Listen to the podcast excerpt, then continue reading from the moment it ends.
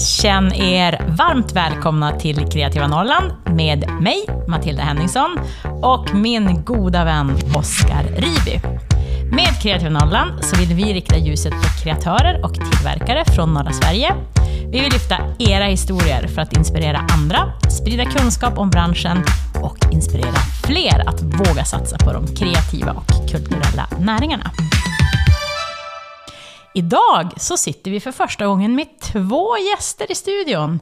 De är designers och arkitekter med rötter i Norrbotten.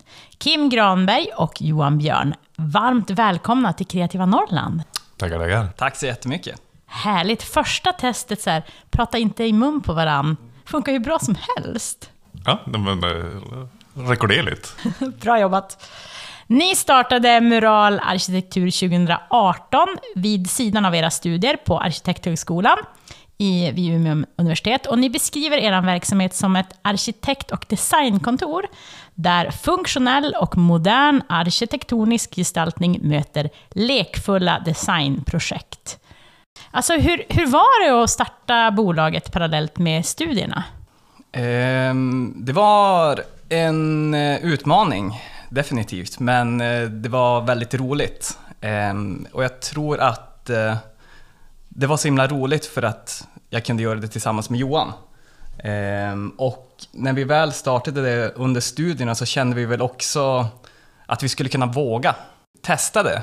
För att sen när vi, om vi båda var klara med studierna så kanske det skulle vara mer läskigt att starta någonting där man inte står, eller när man står från noll. Så kände jag i alla fall. Men jag håller med, att det finns ju inga risker i ett studie förutom att man bränner ut sig. Eh, heltidsstudier plus företag är ju spännande. Men eh, det gör också att man så här, ganska live kan ha ganska många bollplank. Men jag, jag tänker också att risken i det är att för studier kan ju vara mer än 100% och starta företag vet vi är mer än 100%. Så plötsligt är vi sen nu 250% in i ett arbete. Ja, men det är rimligt. Ja, det är rimligt. Det är rimligt. Eh, Jag skulle rekommendera att eh, kanske starta det tidigare under studierna för att göra det i slutet av studien eller när man håller på med sitt eh, mastersarbete var, var också väldigt kämpigt att jonglera de två bollarna. Ja, typiskt dålig timing egentligen. Som vanligt så ska vi inleda det här avsnitt, avsnittet med en faktaruta. Och den här gången har vi gjort några justeringar bara för att det ska passa för två gäster. Då. Vi kör! Fullständiga namn. Johan Emanuel Björn, Bengt Sven Kim Granberg, Ålder. 32. 29. Hur skulle ni beskriva varandra? Jag börjar du. Så kontrar jag sen.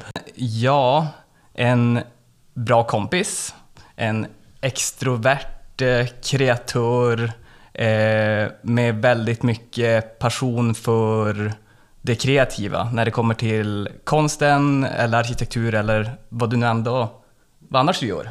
Ja, då kontrar jag.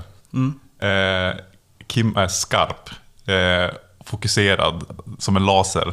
Eh, och jag tror det är det som gör att vi passar rätt bra ihop. För jag kan ibland sväva iväg. Va? Och då har vi Kim som någonstans bara så här, laserfokus, det här är målet, dit ska vi. Eh, utöver det så är det ju också så här, kanske den stadigaste graffitihandeln i staden. Eh, kulturellt bildad, eh, så vi har ett ganska bra utbyte. Grymt. Bra kompis också. Ja. Var är hemma? Svårt. Det finns många hem. Eh, men hemma just nu är Umeå. Ja, det är eh, eh, detsamma för mig. Det är hemma här i Umeå eh, tillsammans med min sambo och min eh, eh, snart ettåriga mops-valp. Vad är kreativitet för er? Ehm, jag skulle säga, för mig så är det nog eh, inspiration. Ehm, jag tänker för mig själv att det börjar någonstans där. Ehm, men sen så är det väl också att man ska ta den inspirationen och förmedla det till någonting som är nytänkande. Att skapa någonting som är originellt. Ja, i det ledet tror jag jag skulle säga. Mm. Jag håller med. Men Jag tycker också att så här, kreativitet är typ handling till stor del också. Alltså att någonstans, det, det, du kan konsumera, men du kan ju också i det skapa själv. Jag tänker att för mig är kreativitet någonstans att det behöver inte vara stort, men att så här, se på någonting man vill ha, något man är nyfiken på och sen agera. Eh, och det är någonstans i handlingen som kreativiteten någonstans blir till, annars är det bara en tanke om någonting. Så att typ i handlingen sker kreativitet för mig. Härligt. Om ni skulle få dela en middag med någon ur Norrlands kreativa community, vem hade ni bjudit in till den middagen och varför? Jag vill säga E-Type, eh, för det hade varit fett. Eh, bara utifrån liksom barndomens soundtrack någonstans. Så att, eh, det hade jag tyckt varit coolt. Ja, jag skulle nog säga kanske just nu så skulle det vara kul att bjuda in Hoja. Ehm, för jag tror det skulle bli en väldigt trevlig middag som kanske slutar med lite, lite festerier också. Ja. Hörni, eh, kan inte ni berätta lite grann om er bakgrund? Hur kommer det sig att arkitekturen och konsten har fått en sån central roll i era liv? Jag skulle säga att eh, för egen del så är jag ju kanske det klassiska exemplet på den där kidden i skolan som sitter och ritar på alla lektioner. Liksom. Var i skogen hade jag min eh, fällkniv med mig och så tällde jag gubbar, barkbåtar. Så jag har en fallenhet tror jag till, till sånt. Jag har lite rastlösa fingrar som sen då liksom har tagit mig genom diverse konststudier till arkitekturen någonstans. Så att arkitekturen någonstans är ju en bra eh, plats där liksom det konkreta och det lite så utsvävande kan mötas på ett rätt bra sätt. Att du liksom har det estetiska men du måste koppla det till en funktion och det skapar som en bra spänning tycker jag. Ja, jag eh, håller med egentligen allting som Johan säger, men min bakgrund är egentligen från graffitin då istället för eh, traditionell konst som Johan har. Så att eh, under hela min uppväxt egentligen så har jag fått eh, ja, men utlöp för kreativiteten genom graffitin. Och jag hade tur då när jag växte upp också att eh, eh, vi hade en ganska stor gård när jag växte upp så att vi fick, kunde bygga upp ett jättestort eh, graffitiplank där jag fick eh, utlopp för att testa väldigt, eh, men, testa på det och efter det så fastnade jag just för eh, kreativiteten och konsten. Och eh, efter det så när jag, när jag blev lite äldre så var det just att hur ska jag kunna förmedla eh, Eh, mitt konstintresse till någonting mer konkret. Och där, där kom då arkitekturen som ett väldigt bra eh, mellanting där vetenskapen och konstnärskapen skulle mötas. Eh, och det var väl egentligen eh, att jag testade Arkitekthögskolan för att se om det var någonting för mig. Eh, och sen fem år efter så sitter vi här. Ni jobbar ju inte bara med arkitektur utan även graffiti, konstworkshop och så har ni designat en rörelsebana. Men innan vi kastar oss in på alla de här olika delarna i er verksamhet, om vi bara tittar på det övergripande planet, hur är det att ha så många verksamhetsben på er två som jobbar? Vad är, vad är liksom fördelen och nackdelen med det här? Fördelen är väl att vi blir lite flexibla. Alltså, om man ser till eh, Corona när den rullade in i liksom, Sverige så var vi ganska nystartade relativt. Liksom. Vi hade en plan, vi hade en riktning eh, och tänkte att eh, nu, nu är det på gång. Liksom. Men eh, turistindustrin som vi mer eller mindre hade riktat oss in mot dog ju ganska snabbt. Eh, och då var det mycket på grund av att vi hade lite olika spår som vi någonstans kände oss trygga att fortsätta och inte bara lägga ner. Eh, så då kunde vi liksom fokusera, visserligen så blev det en del arkitektur också, men kanske inte i samma riktning. Men däremot kunde vi då göra mer konstworkshops, vi kunde göra mer liksom rena konstjobb. Eh, och sen då givetvis våra satsningar mot rörelserikedom också. Eh, fördelen med att ha många ben är ju att det är väldigt roligt för oss och inspirerande. Så att det kan vara så att vi kan arbeta med ett arkitekturprojekt en dag och sen kanske ta en paus från det. Då kan vi fokusera på att designa eller eh, ja, men göra konstprojekt. Så att just för, att, mm, för oss, eller i alla fall för min del, så är det väldigt skönt att arkitekturen är väldigt mycket tankeprocess, att vi måste sätta oss in och verkligen fokusera. Men, medan konstworkshops och eh, kanske konstprojekten kan vara en skön paus att tillåta oss vara mera fritt kreativa men ändå syftesdrivet. Men jag tror att den balansen är väldigt bra. Och eh, faran är väl att eh, det kan bli eh, för spretigt. Och som Johan sa, innan corona så eh, kändes det nog att vi hade för många ben och mycket var att vilket ben ska vi stå på, vad, hur ska vi kunna överleva det här? Men efter coronan så ser vi eh, att det är en väldigt styrka att ha de här tre olika benen och sen kunna förvalta dem och se okej, okay, hur ska vi kunna lägga fokus på eh, alla de här grejerna vi håller på med och se det som en styrka istället. Okej då, om vi ska börja och eh, kolla lite grann på de respektive benen. Arkitekturen, vad, vad är det för uppdrag ni tar an oftast? Ehm, det som vi ofta eh, tar oss an är till privatpersoner och det kan vara eh, nybyggnationer av hus, eh, tillbyggnationer, attefallsbyggnader, ehm, eh, mm, tillbyggnader. Men även har vi börjat eh, rikta in oss på eh, aktivitetsparkdesign till kommuner exempelvis, också som är väldigt roligt. Och hur ser generellt sett en sån process ut när man får liksom ett uppdrag att ta sig an det? Det beror på lite grann vem kunden är. Eh, och jag skulle säga att inom arkitekturen så har vi valt att jobba lite utmanande ändå. Det, det, oftast finns det ju en, en skissfas som ofta består av att vi någonstans ska leta reda på vad den här kunden har för behov, vad eh, det finns för intressen kring eh, liksom, vad är det för estetik, vad är det för liv det här liksom, projektet ska någonstans innehålla. Liksom. Eh, I den fasen brukar vi försöka om, det som uppskattas oftast eh, i alla fall. Eh, och eh, det är ju att vi försöker utmana kunden till Eh, vad ett hus kan vara. Jag tror att vi många gånger tänker på huset så tänker vi på villan man växt upp i, man tänker på grannens hus, man tänker på så här, våra erfarenheter av att hus ska vara. Men styrkan i att få någonting uppritat specifikt för sig själv, eller liksom få ett arkitektritat hus, är ju att man någonstans kan så här, bara sväva ut lite grann vad behöver ett hus vara för mig? Så vi brukar presentera eh, tre förslag för våra kunder generellt.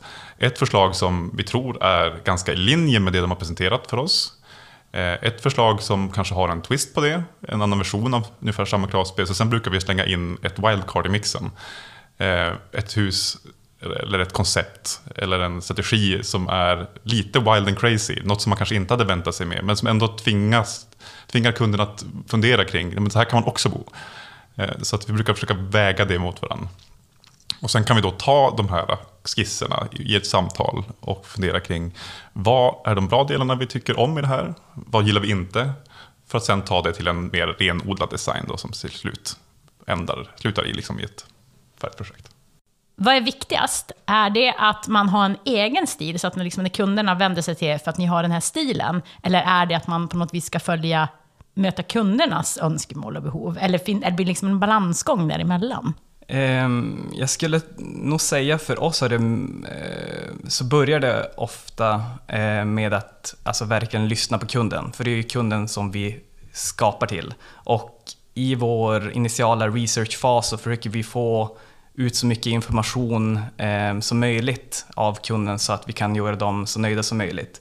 Men efter det så, eh, som Johan sa i skissfasen, så ger vi ofta olika ehm, alternativ för att då kanske, vet du nu, eh, ja men utmana dem lite grann. Och sen då starta en dialog eh, om hur vi ska kunna gå vidare. Men jag tror definitivt att lyhördheten är eh, det viktigaste. Ni, ni, har ju pluggat på Arkitekthögskolan och om det nu sitter några studenter som pluggar på Arkitekthögskolan och går och drömmer lite om att starta sin egen arkitektbyrå, så här, vad skulle vara era bästa tips till de här studenterna? Jag tror att det är så här, passa på att göra det. Alltså, det är inte hela världen att här, testa och misslyckas. Alltså, är det en, en uppdragsform eller ett, ett, ett, ett, ett liksom arbetsform som inte passar, ja, men då har man testat det. Eh, och jag tror att eh, om man eh, tar steget och provar så, så, så kommer det betydligt ganska fort. För det finns fördelar med att vara själv, eh, eller att kunna styra sina projekt själv. Eh, såklart det kommer vara kanske lite kämpigt i början med tanke på att arkitektutbildningen till stor del är grundad i stora koncept eh, och till många delar finns det att man bygger på sin kunskap efter sina studier på en arbetsplats. Så att det blir ett ganska stort insteg i liksom verkligheten efter studierna. Men kan man då göra det steget, kanske som vi gjorde under studierna, så är det inte helt tokigt. Eh, för det innebär att när du stöter på de här problemen som man stöter på i verkligheten efter studierna så finns det ändå studier på sidan om. Det finns alltid någon som har jobbat inom branschen, det finns eh, massa feedback att få. Gör man det efter studierna så såklart man kan ringa sin professor eller så och säga hej, har du tankar kring det här? Men det är rätt bra att så här, börja smått eh, och håll liksom kostnaderna nere eh, och testa under studierna. Det är nog mitt bästa tips. Eh, hitta någon också som vill göra det lika mycket som dig eller hitta någon kompis ehm, eller kompisar som också kan drömma ihop den här tanken. Ehm, för när vi startade så är det ju ofta att man kanske bara pratar om det, att det kan vara roligt. Men sen så när vi väl sätter oss ner, börjar tänka på, okej okay, vad skulle det här företaget kunna heta? Och sen hittar vi på då ett namn för det. Och sen efter det så börjar alltså flera tankar realiseras. Ehm, och sen då kan man starta företag. Men jag skulle också säga att eh, det är viktigt att tänka på arkitekturen i en bredare spektrum. Ehm, att vi behöver inte eh, bara sitta och rita byggnader ehm, för att kunna vara arkitektur. För under studierna så lär vi oss så väldigt mycket och att det kan vara väldigt brett med arkitektur. Ehm, det kan också vara väldigt mycket relaterat till konstnärskap och kreativitet och ehm, arkitektur idag kan vara väldigt, väldigt brett. Varför heter ni mural? Det började som en ordlek någonstans. Eh, vi har väl alltid varit medvetna om att det vi vill göra ska vara lite lekfullt. Eh, och att vi kanske blir lite tvärdisciplinära i vårt upplägg. För att vi, vill, vi har svårt att släppa något av de här benen som vi står på idag. Och vi hade nog tankar kring att kunna vara aktiva inom olika kreativa områden. Eh, och eh, just där vi stod då så var de två stora grejerna kanske var konsten som vi ville fortsätta med i olika former. Och arkitekturen. Och då blir ju muralen någonstans platsen där de här två världarna möts. Väggen som bemålas, eller väggen, eller canva, huset som canvas för konsten någonstans. Jag tror det var där vi landade i muralen någonstans. Jo, eh, en mural är ju en målning på en vägg, så tanken är ju också att vi kan måla väggen, men vi kan också bygga väggen. Eller vi kan göra både och. Rörelsebanan, vad är det för någonting? Det är ett koncept fött ur en förfrågan från eh, Riksidrottsförbundet här i Västerbotten. Eh, där de hade, vi, vi träffades och de hade funderingar kring vad ska vi göra för att aktivera skolungdomar. Eh, för det finns en ökad problematik med att skolungdomar sitter för mycket, rör sig för lite och det är ganska enformlig liksom, rörelse. Så där började projektet. Det tåls väl att säga att det är alltså för skola Ehm, och specifikt för inomhusmiljön eh, som projektet började ur. Ehm, och eh, vi började ju prata med Riksidrottsförbundet för att de visste att vi var kreativa och de hade ett problem. Ehm, sen fick vi egentligen fria tyglar och då började vi tänka hur kan vi göra korridorer i skolor mera roliga så att barnen kan röra sig mera och då hade det just börjat Eh, eller det var en term då som kom upp som heter rörelserikedom, eh, som vi fastnade väldigt mycket för, för att grunden till det handlar om att eh, vi ska, att, eller egentligen att barnen ska kunna få möjlighet att röra Ja, för, eller, ja, men förutsättningar att röra sig på sina egna villkor. Så då tänkte vi, då kan vi skapa en hinderbana eh, eh, som är rolig och engagerande Ehm, Ehm, där då barnen får välja sin egen väg ehm, framåt. Och estetiken på rörelsebanorna kommer väl egentligen också från någon gamification så att vi kan relatera till dem. Dels så spelar vi spel ehm, och många barn spelar också spel. Så då tänkte vi att estetiken får grunda sig lite i tv-spelsdesign men även då väldigt grundläggande eh, lekar från när vi alltså var små, alltså hoppa, in, eller hoppa över lava, Ehm, så att man kunde att halka inte på isen ehm, och sådana estetiker. Men då även knyta an viss pedagogiska element i de här banorna så att om eleverna ville lära sig om vilka fotspår som fanns i snön av de vet du, nu, lokala svenska djuren så kunde de fråga det då för, till lärarna och då kunde de lära sig någonting i, i processen också. Så det är väl där någonstans. Och det, det är ett dekalpaket som appliceras i skolkorridorer. Hörni, ni har väl blivit ganska uppmärksammade för det här också? ändå. Alltså, när vi började med det så var det ju ett väldigt lokalt projekt här. Eh, och konceptet i sig tänkte vi nog inte mer på att det skulle bli mer en, eh, en, en, en skola som får mer rörelse, något kul för en skola. Men konceptet i sig har ju blivit uppmärksammat, vilket är roligt. För det tyder ju någonstans på att vi är inne och gör någonting som kan förändra eller eh, friska upp. Eh, och eh, vi har samarbeten idag och sådana här banor över hela landet egentligen. Med samarbete med Riksidrottsförbundet som vi har en god relation till. Det finns massa eldsjälar där som brinner för att förändra barns skolmiljö till något bättre. Så det finns ju massa kompetens som vi inte sitter på som vi skulle kunna ha lånat från dem. Men vi har också samarbete med organisationer som Generation Pep. Så det är svinkul. Inte nog med arkitektur och rörelsebanan så håller ni även på med graffiti. Och kanske innan vi springer vidare i just det här graffitispåret så kanske vi ska tydliggöra att den graffiti ni håller på med är laglig. Precis. Hur jobbar man med graffiti? Jag ska säga att vi jobbar dels med graffiti men också med konsten i stort. Ehm, och specifikt kanske under coronan så hittade vi ett sätt att jobba med den eh, nationellt så att vi kunde samarbeta med eh, men väldigt många olika aktörer eh, digitalt.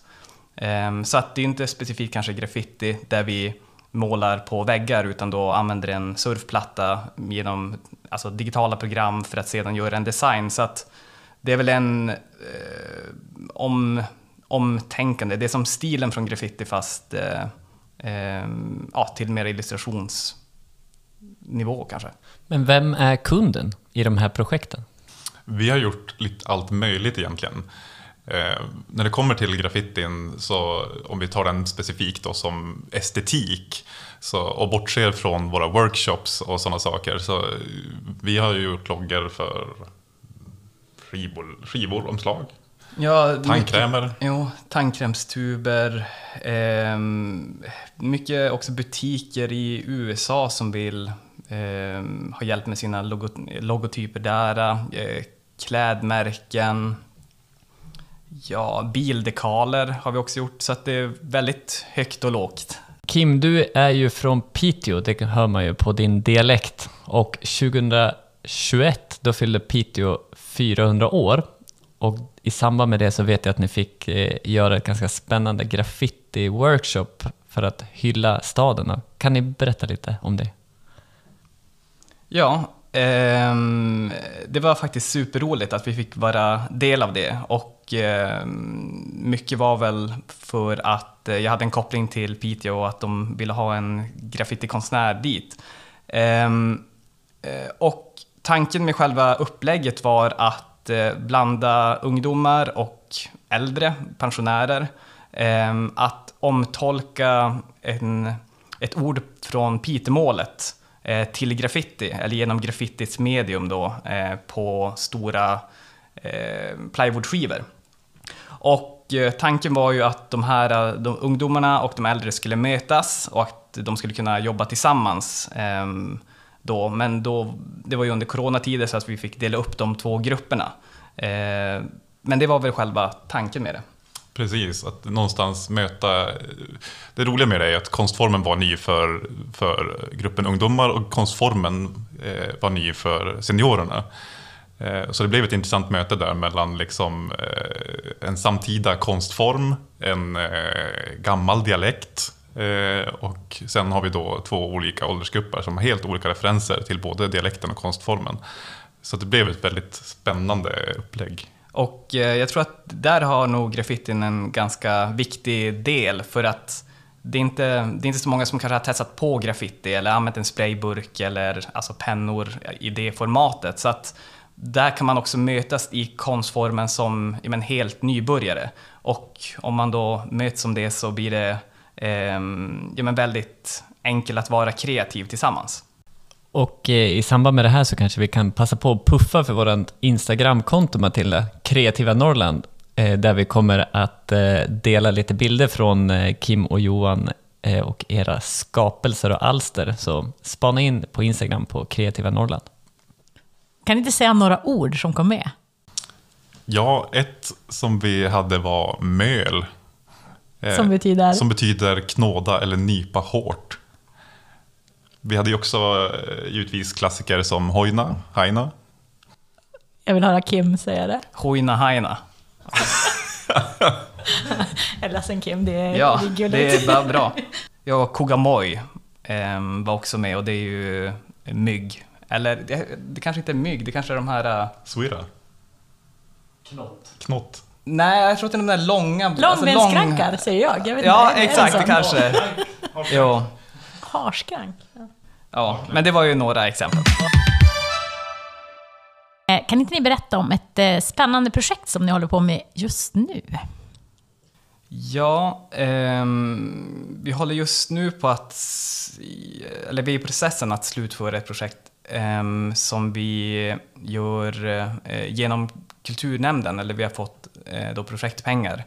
Och tillsammans då med Riksidrottsförbundet så försöker vi vidareutveckla konceptet Rörelsebanan.